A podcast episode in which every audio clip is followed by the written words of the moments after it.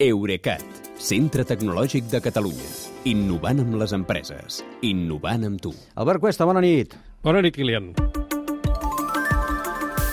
I avui, preocupació multiplicada per dos. Notícia que combina dos dels temes que hem anat tocant sovint en aquest espai i que tocarem, ciberseguretat i intel·ligència artificial, combinades, eh?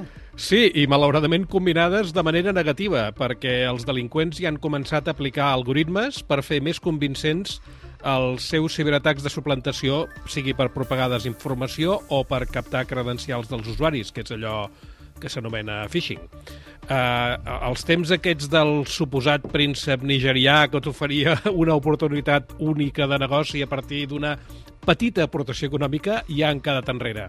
Ara, els missatges que t'arriben estan molt més ben redactats i, per tant, resulten molt més creïbles. I encara ho seran més gràcies precisament a l'ús d'intel·ligència artificial generativa, això que, estem parlant tant aquestes setmanes, per exemple el model GPT-3. En concret, ja s'ha fet servir per redactar automàticament missatges que provoquen l'usuari perquè obri un adjunt o un enllaç maliciosos, també per crear campanyes de difamació amb xarxes socials i, finalment, per donar legitimitat a estafes generant articles falsos sobre el suposat producte o negoci que s'ofereix. Però, perdona, els creadors dels algoritmes, que són bons creadors perquè això de l'algoritme no s'inventa d'un dia per l'altre, no poden mm -hmm. modificar-los, ja que hi són, perquè rebutgin crear aquesta mena de contingut?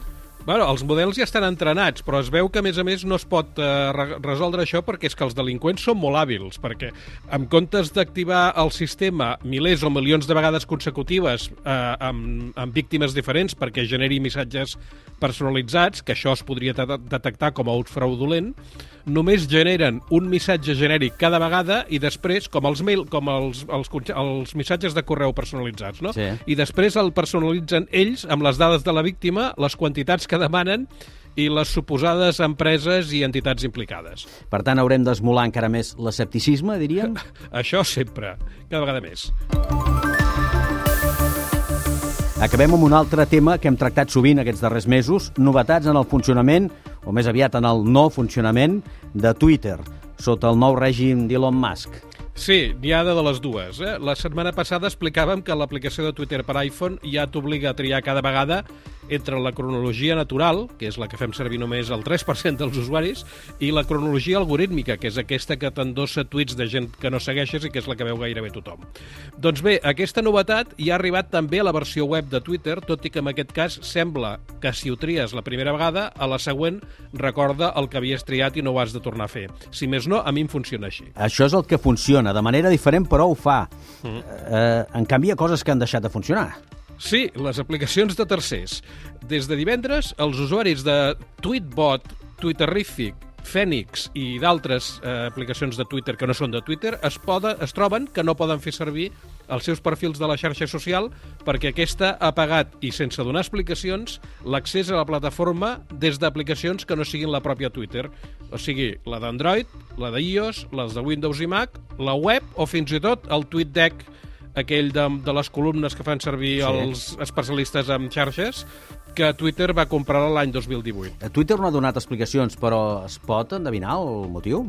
Uh, jo diria que el més probable és que el motiu sigui econòmic, perquè uh, saps què passa? Que és que les aplicacions de tercers no hi surten els anuncis que Twitter inserta entre els tuits amb les seves aplicacions.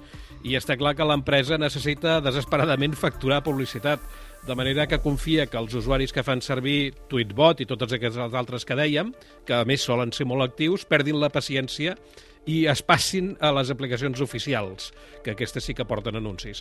Tot i que també pot ser que Twitter hagi aturat aquest accés des de fora, només temporalment, mentre modifica la plataforma de manera que les aplicacions independents, aquestes que ara estan blocades, després tornin a funcionar, però que també els arribin els anuncis a més dels tuits. Ja. Bé, doncs demà més. Albert, gràcies. Bona nit, Kilian. Fins demà.